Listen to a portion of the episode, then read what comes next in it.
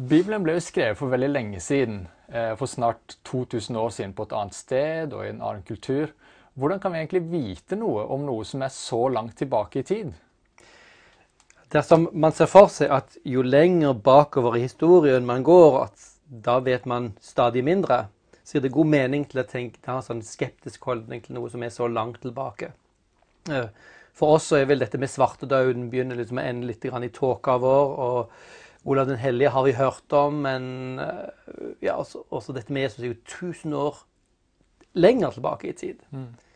Men det er jo sånn for historikere så er det ikke sånn at enhver periode har li, eh, like bra kilder.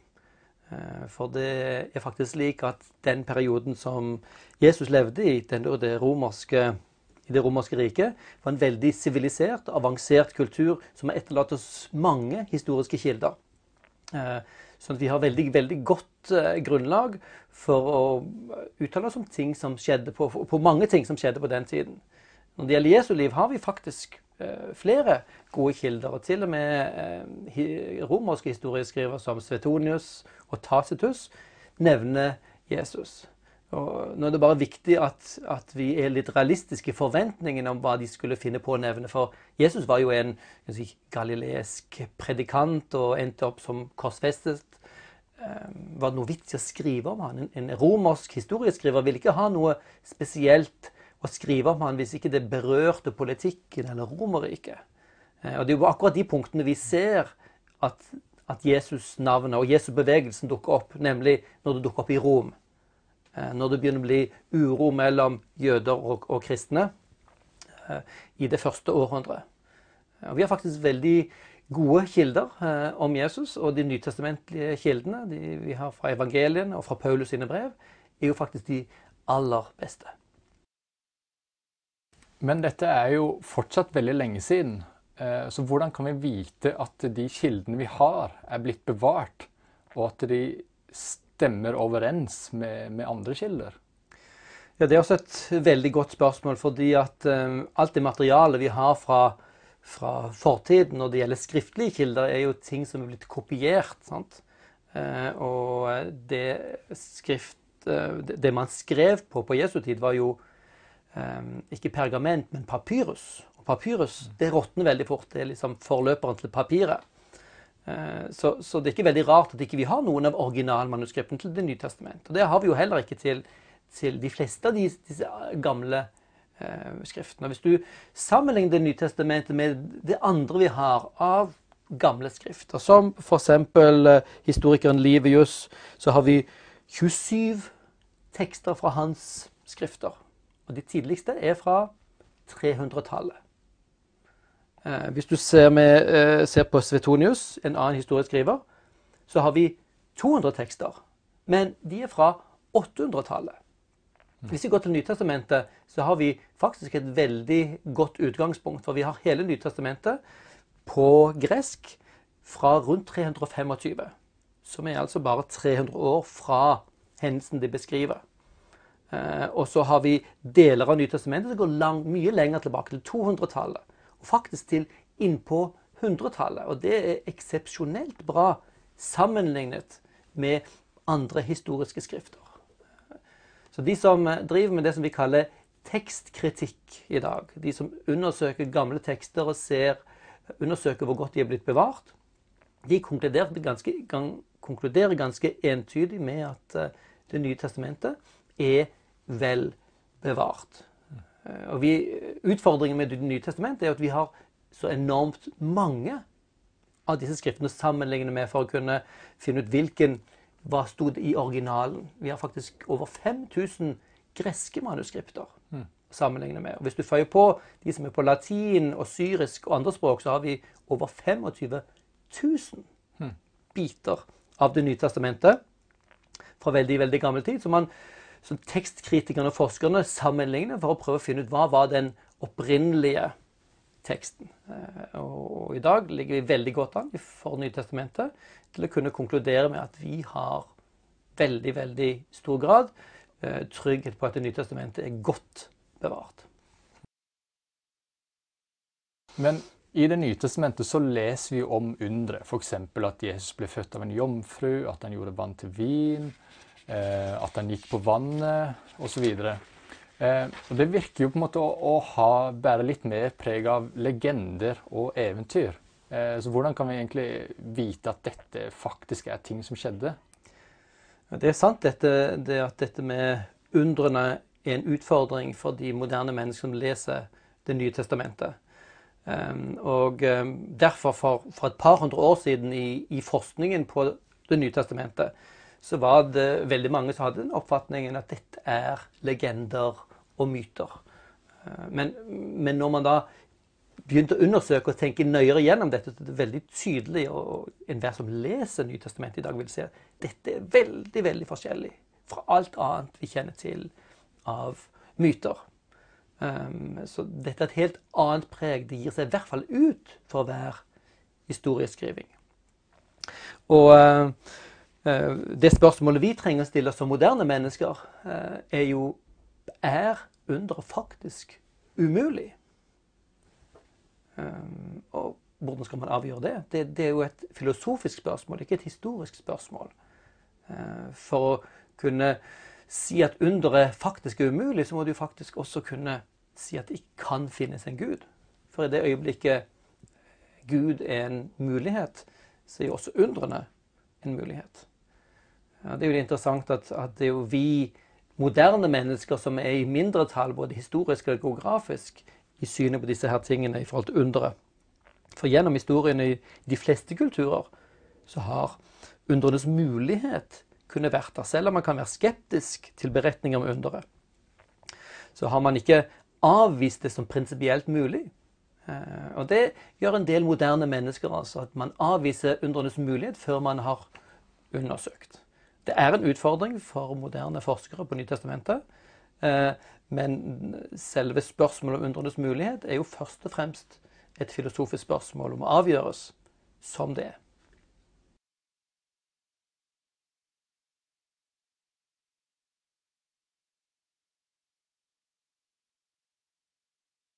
Men er ikke evangeliene skrevet veldig lenge etter hendelsene som vi leser om? Eh, så hvordan kan vi da vite at det faktisk har skjedd, det som står der?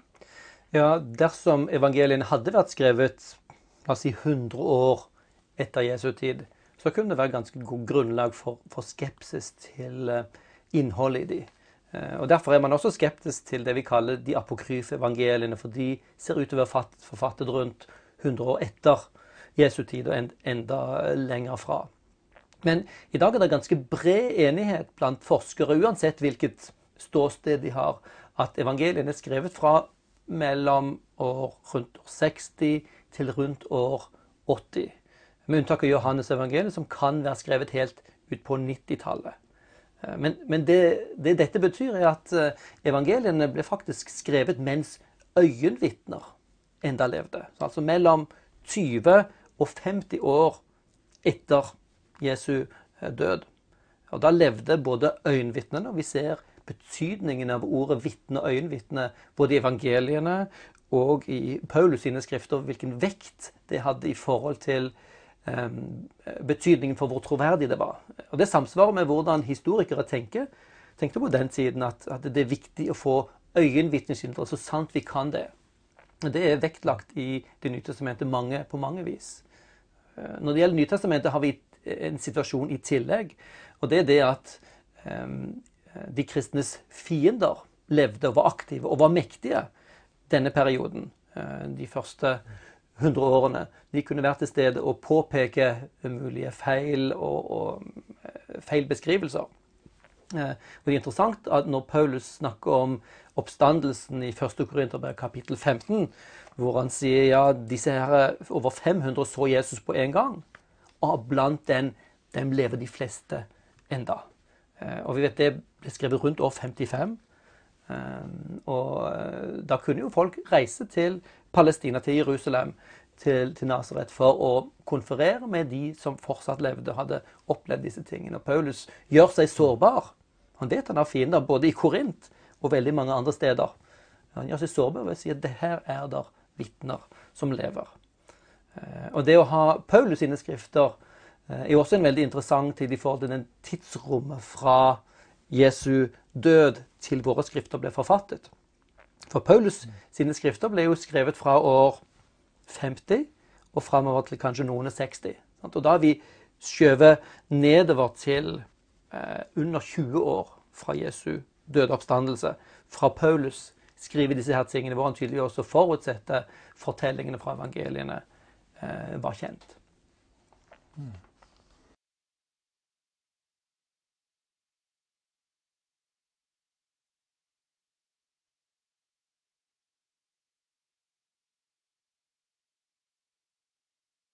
Men hva da med den muntlige tradisjonen? Eh, for er det ikke slik at evangeliene at de først ble overlevert muntlig fra munn til munn? Eh, og hvordan kan vi da vite at, eh, at det samme har blitt skrevet ned, og at det ikke har blitt forandret på ettersom man fortalte ting videre muntlig? Ja, det er riktig det at, at man tenker i dag at fortellingen om Jesus er blitt levert videre stort sett muntlig fram til det ble skrevet ned. Eh, og, og, man så betydningen av å skrive de ned først når øyenvitnene begynte å, å, dø vekk. Da så man betydningen av å ha deres ord nedskrevet. Ellers var faktisk den jødiske kulturen i ganske stor grad en muntlig kultur. Mm. Og hele, det, hele antikken så gikk jo læring ut på å memorere. Memorering var det som var forstått som læring. Og jødiske gutter skulle jo lære Det gamle testamentet utenat. Så dette med utenatlæring og memorering og overlevering var en veldig viktig del av både antikken, men enda mer spesielt i den jødiske kulturen. Mm. Så de visste hvordan dette skulle fungere med å huske en ting, og så kunne levere det videre. Så, så dette var en del av den, uh, den kulturen som evangeliene ble til i og ble overlevert i. Eh, og, og, det som er viktig i, i, forhold til dette, er jo at dette må ha skjedd altså i løpet av en 20-30-40, kanskje 50 år fra Jesu eh, død. Og det betyr at her var det veldig mange øyenvitner som levde og kunne kontrollere det som ble sagt. For de var jo veldig interessert i nettopp å bevare denne læren, det de hadde lært av Jesus. Mm. Og det var selvfølgelig også da fiender til stede som kunne være med å avsløre feilene når de da eventuelt dukket opp i disse kristne fortellingene. Så Det styrker den evangeliens evangelienes eh, troverdighet, at de ble til i den kulturen hvor det både var vekt på øyenvitner, og hvor det eksisterte eh, eh sterke eh, fiendtlige vitner som kunne være med å avkrefte dersom det var feil. Mm. Et element i tillegg i forhold til den muntlige tradisjonen er jo det at eh, hvis vi ser for oss at fortellingen om Jesus og Jesus, Jesu undervisning ble overlevert muntlig, så kan det forklare ganske mye av både likhetene og forskjellene mellom de fire evangeliene vi har. De er blitt overlevert muntlig, og de gir et visst rom for endringer i, eh, i hvordan ting blir formulert, samtidig som det er viktig at essensen er den samme. Og Det er på en måte sånn man ser det også i evangeliene, at fortellingen har den samme um, um, den, Det flyter på samme vis i evangeliene, bortsett fra Johannes-evangeliet, som har på en måte en egen, uh, en egen fortellerform. Mm. Uh, så føler de det, det samme mønsteret. Uh, og det vil være viktig i en muntlig kultur, at mønsteret er det samme, mens noen formuleringer kan være fleksible. Så det forklarer både likheter og forskjeller mellom de evangeliene vi har.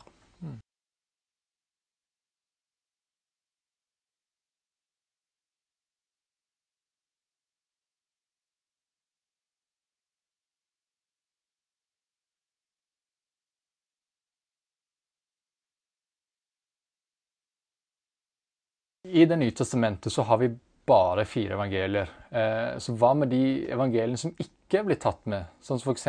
Thomas-evangeliet eller Judas-evangeliet? Vil ikke de være med å gi et mer utfyllende bilde av Jesus? Eh, og hvorfor er ikke disse evangeliene tatt med? Ja, Det er et interessant spørsmål, det, dette her med disse andre evangeliene, spesielt disse gnostiske evangeliene som du nevner. Eh, og det, og det funnet var jo veldig interessant. I, I 1945 så fant man jo Nag Hammadi-skriften, et svært bibliotek med gnostiske skrifter med flere av disse evangeliene. Eh, Philips evangelium, Maria Magdalenas evangelium, Judas evangeliet og og, og Thomas-evangeliet.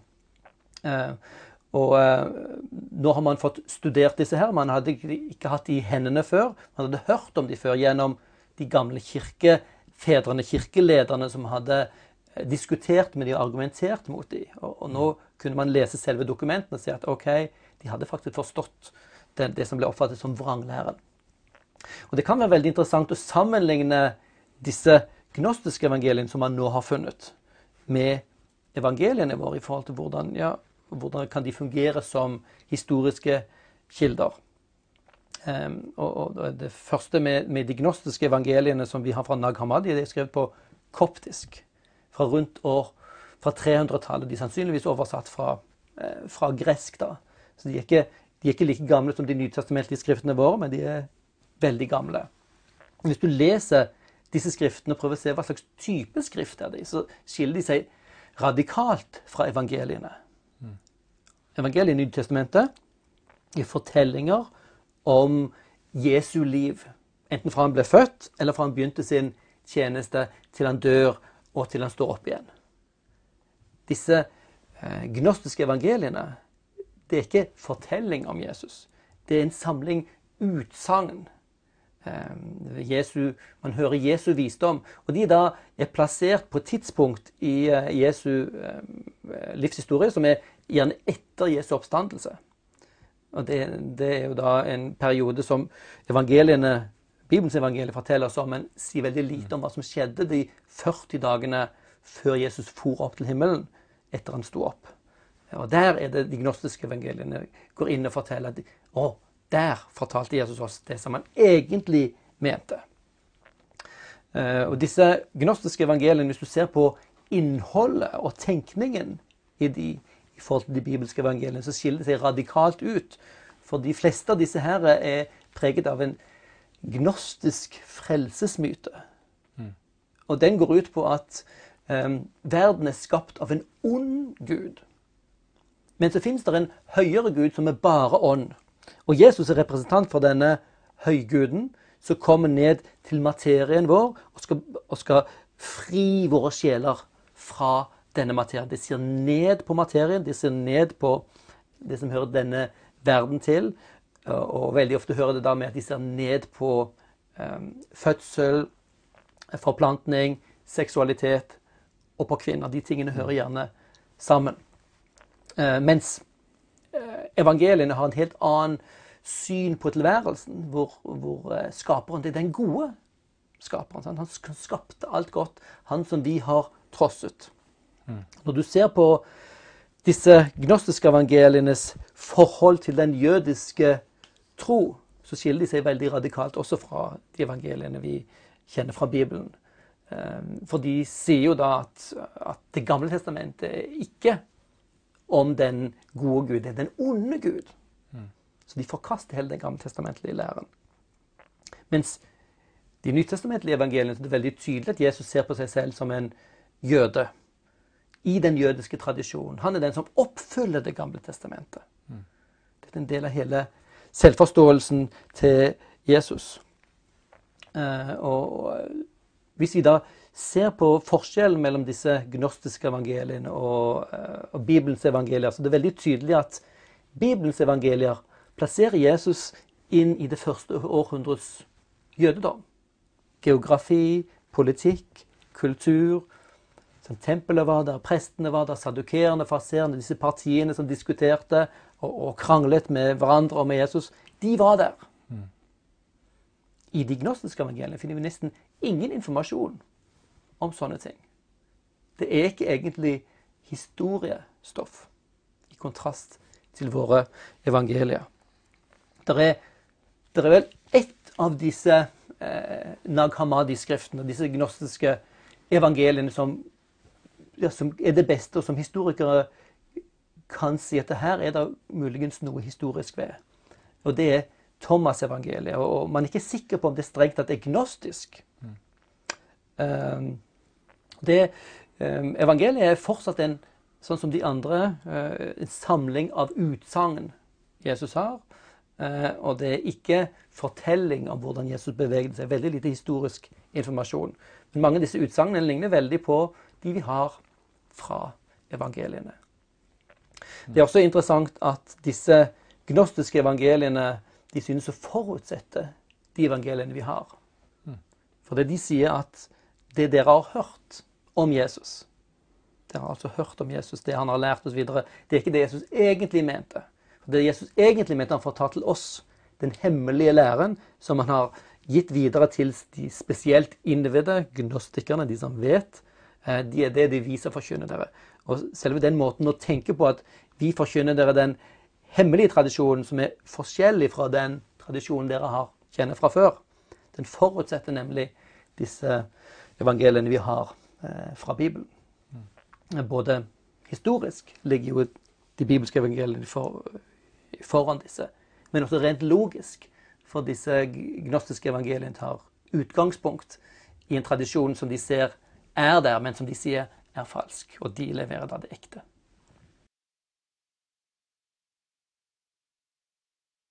Men hva var kriteriene som avgjorde hvilke evangelier som faktisk ble med? Altså Hvordan avgjorde man det? Hvordan kunne man bestemme hvilke som skulle bli med og ikke bli med? Så Hvordan ble egentlig Bibelen samlet? Ja, Du stiller et stort spørsmål. Det er liksom det man kaller kanonhistorien. Kanon er fra ordet målestokk. Eh, og, og spørsmålet da hvordan fikk man de bøkene i Bibelen som vi i dag regner som de hellige skriftene. Eh, når det gjelder Det gamle testamentets skrifter, så er det en veldig enkel sak, for det er den jødiske kanon. I år 90 samlet de jødiske lærde som var igjen etter Jerusalem hadde falt. Og den til da kjente jødedommen på en måte var, var avsluttet. Så var det en gruppe lærde som samlet seg i Jamnia og avsluttet eller avklarte den jødiske kanon. Og det er de skriftene som, som disiplene og Jesus allerede brukte. Så den har kristne bare overtatt. Når det gjelder Nytestamentet, er det en mye lengre prosess på, på, rundt 400 år før man på sett og vis avklarte kanon. Mm. Um, og det, det, er jo slik at de, de, første tidlige menighetene hadde ikke en egen bibel med et visst antall skrifter. Uh, disse skriftene, som er evangeliene og Paulus sine brev og noen av disse andre brevene, de fulgte menigheten etter hvert som kirken vokste og spredte seg rundt omkring i hele Europa og, og andre steder. Disse ble kopiert og spredt. Mm. Og så var det faktisk eh, gnostisismen, vranglæring gnostisismen, som, som, utfordret kirken til å tenke igjen hva er det egentlig som er vår norm og vår standard. Altså En person som er viktig i den eh, historien, og det er eh, gnostikeren Markion. Mm. Han hadde denne forestillingen om, om at Det gamle testamentets gud, jødenes gud, er den onde gud. Så, og Jesus er den åndelige Gud som skal redde oss ut av materien. Eh, den onde materien til opp til den rene åndelige tilværelsen på et eller annet vis. Eh, og når han da skulle si hvilke bøker som gjaldt for han og hans bevegelse, så kuttet han ut hele Gamle testamentet, bevarte ti av Paulus sine brev, og holdt kun Lukas evangeliet, hvor han hadde, også hadde kutta ut de tingene som kunne se ut som jødiske. Eh, og i møte med Markian blir da Kirken utfordret til å si ja, hva er da vår kanon? Hva er vår standard for hva vi vil regne som hellige standardskrifter? Eh, og da dukket denne her prosessen opp, som vi kaller kanonprosessen. Og det var ikke altså en prosess hvor folk gikk rundt og lette etter hellige skrifter for å prøve å finne hva som var mest interessant. Det er en veldig kritisk, utvelgende prosess hvor man hadde mange skrifter. Men hvor vurderingen ja, hva, hva, skal være normen for oss? Og da var faktisk både eh, disse nye vranglærerne og Kirken ganske enige om hva som var det sentrale kriteriet for hva som skulle være i de hellige skriftene. Det skulle være det som kom fra apostlene. Eh, og det ser vi tydelig på hvordan man tenker om, eh, om eh, utvelgelsen av de. Stammer disse fra apostlene? Ja, da aksepterer vi de som eh, hellige skrifter for oss. Det kunne komme fra apostelen eller apostlenes da bekjente, ikke sant? som Lukas, som var Paulus sin lege, og Markus, som var Peter sin tolk. Eh, men det var det viktigste kriteriet. Og så hadde man noen hjelpekriterier, som er de veldig utbredte. Det er mange menigheter som har dette, eh, denne, dette skriftet. Ja, da er det stor sannsynlighet for at de kommer fra apostlene. Mm. Også et annet hjelpeargument. Ja, læren. Samsvarer den læren i dette skriftet med det vi ellers kjenner fra disse skriftene? Så det var et, også et hjelpeargument. Mm. Uh, og, og den nytestamentlige kanon um, Det var altså en diskusjon egentlig om hva vi historisk har god grunn til å tenke stammer fra apostlene. Og Det hjelper jo oss veldig i stor grad i dag, som også ønsker å tenke kritisk, og ikke bare vil ta ting for god fisk. Um, og de uh, tenkte kritisk. Hva kommer fra apostelen? Du kan gjerne lese masse annen nyttig, oppbyggelig kristen litteratur, men det som skal være standarden vår, trenger å være apostolsk. Og Det var det kanonprosessen gikk ut på.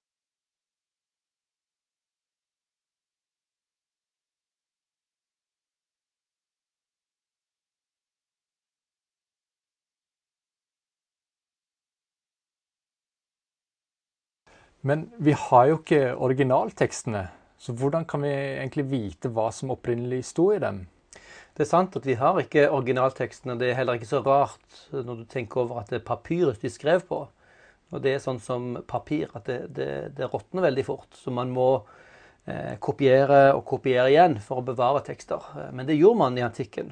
Og hvis du sammenligner eh, Bibelens skrifter, de manuskriptene vi har for, for, for Bibelen, Nytestamentet, med andre skrifter, tilsvarende skrifter fra den tiden, så kommer vi veldig godt ut for Nytestamentets del. Og det er fordi vi har et enormt antall skrifter eh, som vi kan sammenligne med. Um, og uh, vi, kan, vi, kan, se på mulige forandringer eller skrivefeil og komme tilbake til den mest sannsynlig originale uh, uh, skrivemåten. og det er da ganske bred enighet om blant det som vi kaller tekstkritikere. At vi har en veldig bra tekst i Nytestamentet. Det er få avsnitt som man egentlig er i tvil om. Mm. Eh, men, men, er det likevel noen feil i teksten? Ja, det er jo slik at når du, når du skriver av og kopierer for hånd, så vil det alltid bli feil. Bare prøv å skrive av noen sider av en, av en lærebok, sånn, så ser du fort det at det kom inn noen skrivefeil og sånn. Sånn fins det ganske mye av i manuskriptene. Eh, og noen sier jo det at, at vi har jo over 300 000 feil i våre manuskripter. Det er jo mer enn vi har antall ord i Nytestamentet. Mm. Det kan gjøres veldig mye ut. Eh, men, men eh, når, du, når, du, tar i betraktning at det aller, aller, aller meste av dette er små stavefeil som ikke forandrer eh, betydning i det hele tatt. Eller det kan være ordstillingsfeil eller forskjeller. Og, og på gresk så har ikke ordstillingen den betydningen sant, som man har på norsk. Mm. Og på det greske språket på den tiden var det heller ikke en sånn normert rettskriving, som, som navnet David eksempel, kunne skrevet på fire-fem forskjellige riktige måter. Mm. Eh, så det finnes mye, mye såkalte feil i disse manuskriptene, men veldig lite av det um, trekk i tvil noe som helst av de opprinnelige tekstene.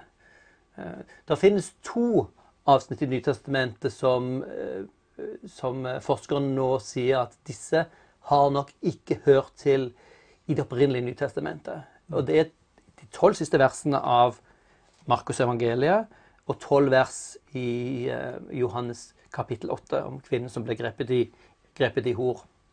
Eh, når vi ser på de gamle manuskriptene her, så er nok dette noen tillegg, men de er veldig unike typer forskjeller i manuskriptene. Eh, og de forandrer jo ikke noen ting av, ved den kristne troen, eh, om ikke de sto i de aller eldste. Eh, samtidig så hører de jo til en veldig gammel tradisjon. Mm. Så jeg tenker det er en god sannsynlighet for at dette her kommer helt fra veldig, veldig tidlig. Mm. Men, men, det er jo likevel forskjeller mellom evangeliene. Altså, det virker jo av og til noen steder at de motsier seg selv, og at det Ja, hvordan forklarer man det? Eh, ja, evangeliene har forskjeller. Vi har fire ulike evangelier. Og det var faktisk eh, ganske tidlig et forsøk på å harmonisere og lage ett evangelium som, som, har alle de fire evangeliene på en måte inkludert i seg. Men det fikk ikke særlig stor oppslutning. Eh, og de fire evangeliene vi har, er de som vi er sånn tryggest på. Det stammer fra apostelen. Så la oss heller leve med de mulige eh, indre spenningene, som vi, vi kan kalle det. Og jeg vil tenke at uh, disse spenningene faktisk uh, øker troverdigheten til disse skriftene. For det er liksom ikke De har ikke samarbeidet og konspirert om å skrive denne her teksten. Det er fire ulike forfattere mm. som skriver samme fortellingen, men hvor det faktisk er en, en del forskjeller. Nå mener jeg at de aller fleste av de forskjellene forsvinner om man prøver å ta, eh, ta tekstene på alvor. Eh, og, og, og la, tekstene, la, tvilen komme tekstene til gode, og ikke bare forutsette at dette er feil.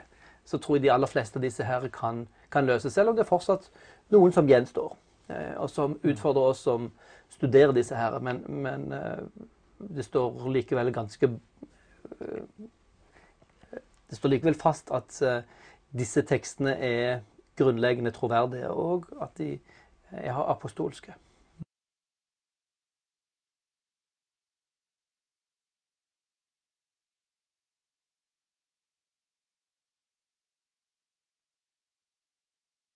Eh, men én ting er jo at, at tekstene kan, kan, stemme overens, og at det er liksom god grunn for at man kan ja, tro at det, at det er overlevert riktig.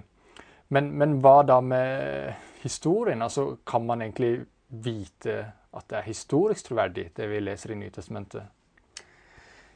Ja, du kan jo si for, for 100, 150 år siden så var man veldig skeptisk til eh, bl.a. evangeliet som, som uh, historiske dokumenter. Man gikk, veldig mange gikk i hvert fall veldig skeptisk eh, i møte med disse her, og, og tenkte at dette er stort sett fromme legender som blir til over lang tid, um, og som noen har skrevet ned på et eller annet tidspunkt, men som vi ikke vi kan vite det er noe historisk hold i.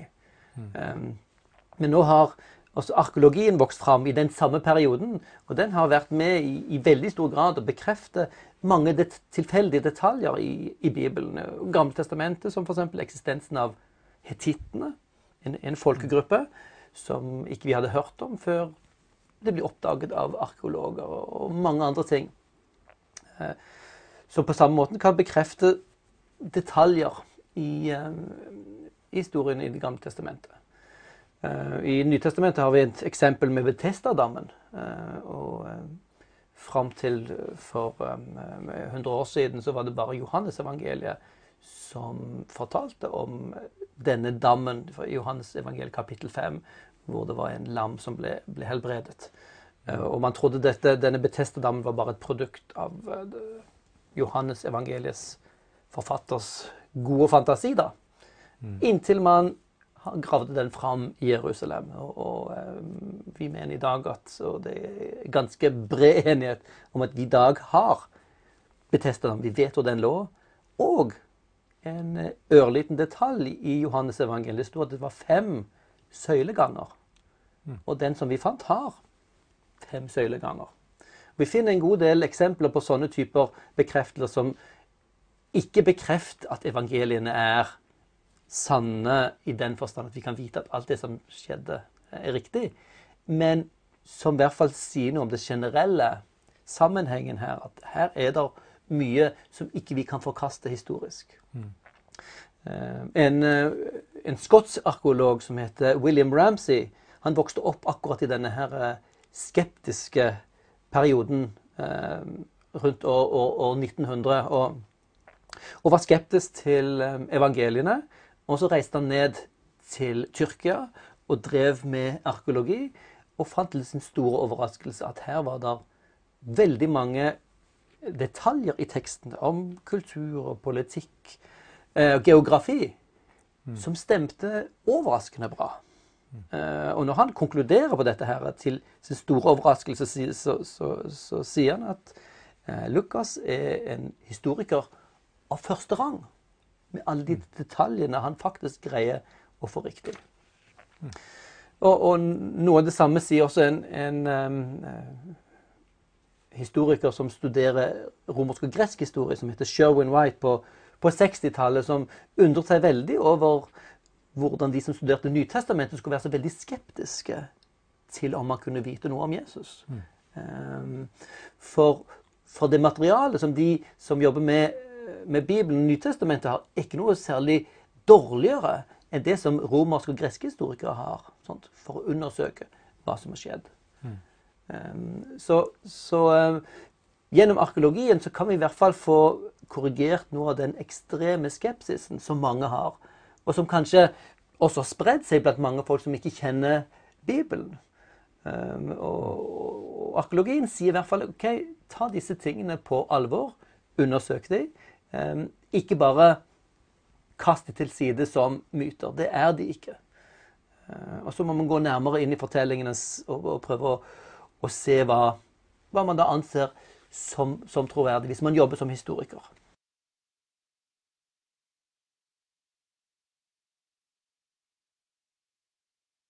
Men én ting er jo de historiske hendelsene, eh, at de kan være troverdige.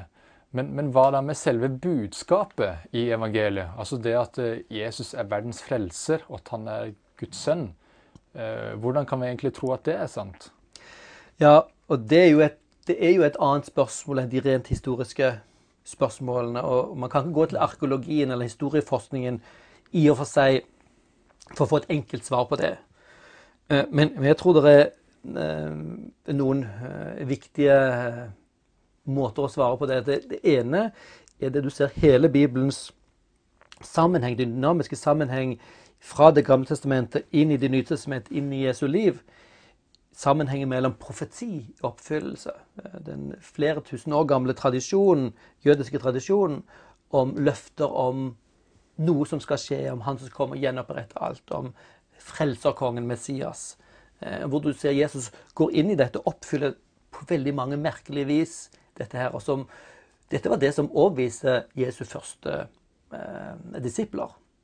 At Jesus klarte, og det så man først etter oppstandelsen For Jesu korsfestelse hadde ingen av de forventet, men det så man etter oppstandelsen at, at Jesus faktisk oppfylte på helt uventet vis mange av disse tingene. Mm. Eh, og mange som leser denne fortellingen i sin sammenheng, blir veldig sterkt overbevist av en sånn type dynamikk i fortellingen.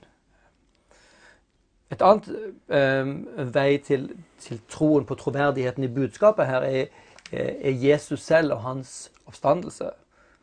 Um, og dersom Jesus sto opp fra de døde, da er jo han autoritet på spørsmålet om liv og død.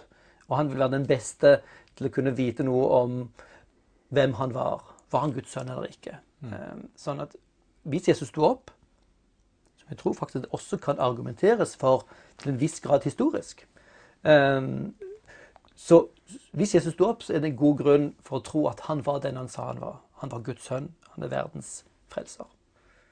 Ellers vil jeg også føye til at eh, måten å finne ut om, om, dette her er sant på, er jo selvfølgelig å lese dette sjøl og undersøke sjøl, og ikke bare akseptere dette fordi en har hørt det fra noen. Eh, og det er det veldig mange mennesker som nettopp opplever. Når man leser disse tekstene i dag, så taler de til oss på en måte vi kjenner oss igjen. Dette er meg. Eh, og dette taler til mine dypeste behov som menneske, mine dypeste lengsler, mine dypeste svik og problemer. Ser jeg der og ser løsningen på. Eh, og det er en måte som, som gjør at, at mange av oss tenker at dette her er noe mer enn historiefortellinger. Dette er, er Guds ord til oss i dag.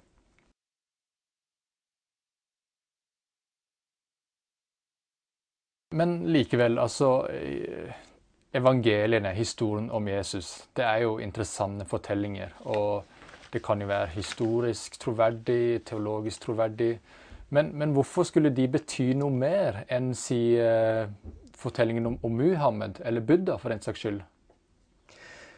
Ja, Det jeg vil svare til det, er å, er å lese de, sette inn disse her tingene. Og, og Les om Jesus. Og les gjerne om Muhammed og Buddha også, og sammenligne dem. Jeg vil si la det som overbeviser deg, eh, følg, følg, det. Jeg er ganske trygg på, at, at, på hvordan Jesus skiller seg ut fra enhver annen eh, lærer, filosof, tenker, religiøs leder. Med hvordan han er, hvordan han møter mennesker, hva han sier. skarpheten, omsorgen, eh, og selvfølgelig det mest sentrale at Jesus dør for våre synder og står opp igjen. Det er det ikke mange som gjør etter Jesus. Det gjør at Jesus stiller inn egen klasse i forhold til å gi kjøtt og blod på ordene sine.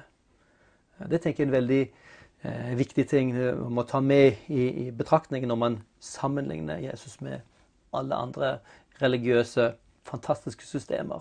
Jesus' system det kan synes litt pinlig krast og blodig og, og rart. Mm.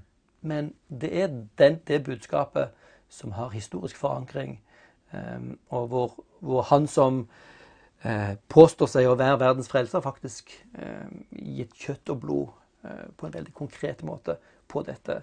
Ved å først å gi sitt liv, og så stå opp igjen fra de døde. Og sånn viser seg å være den han sa han var.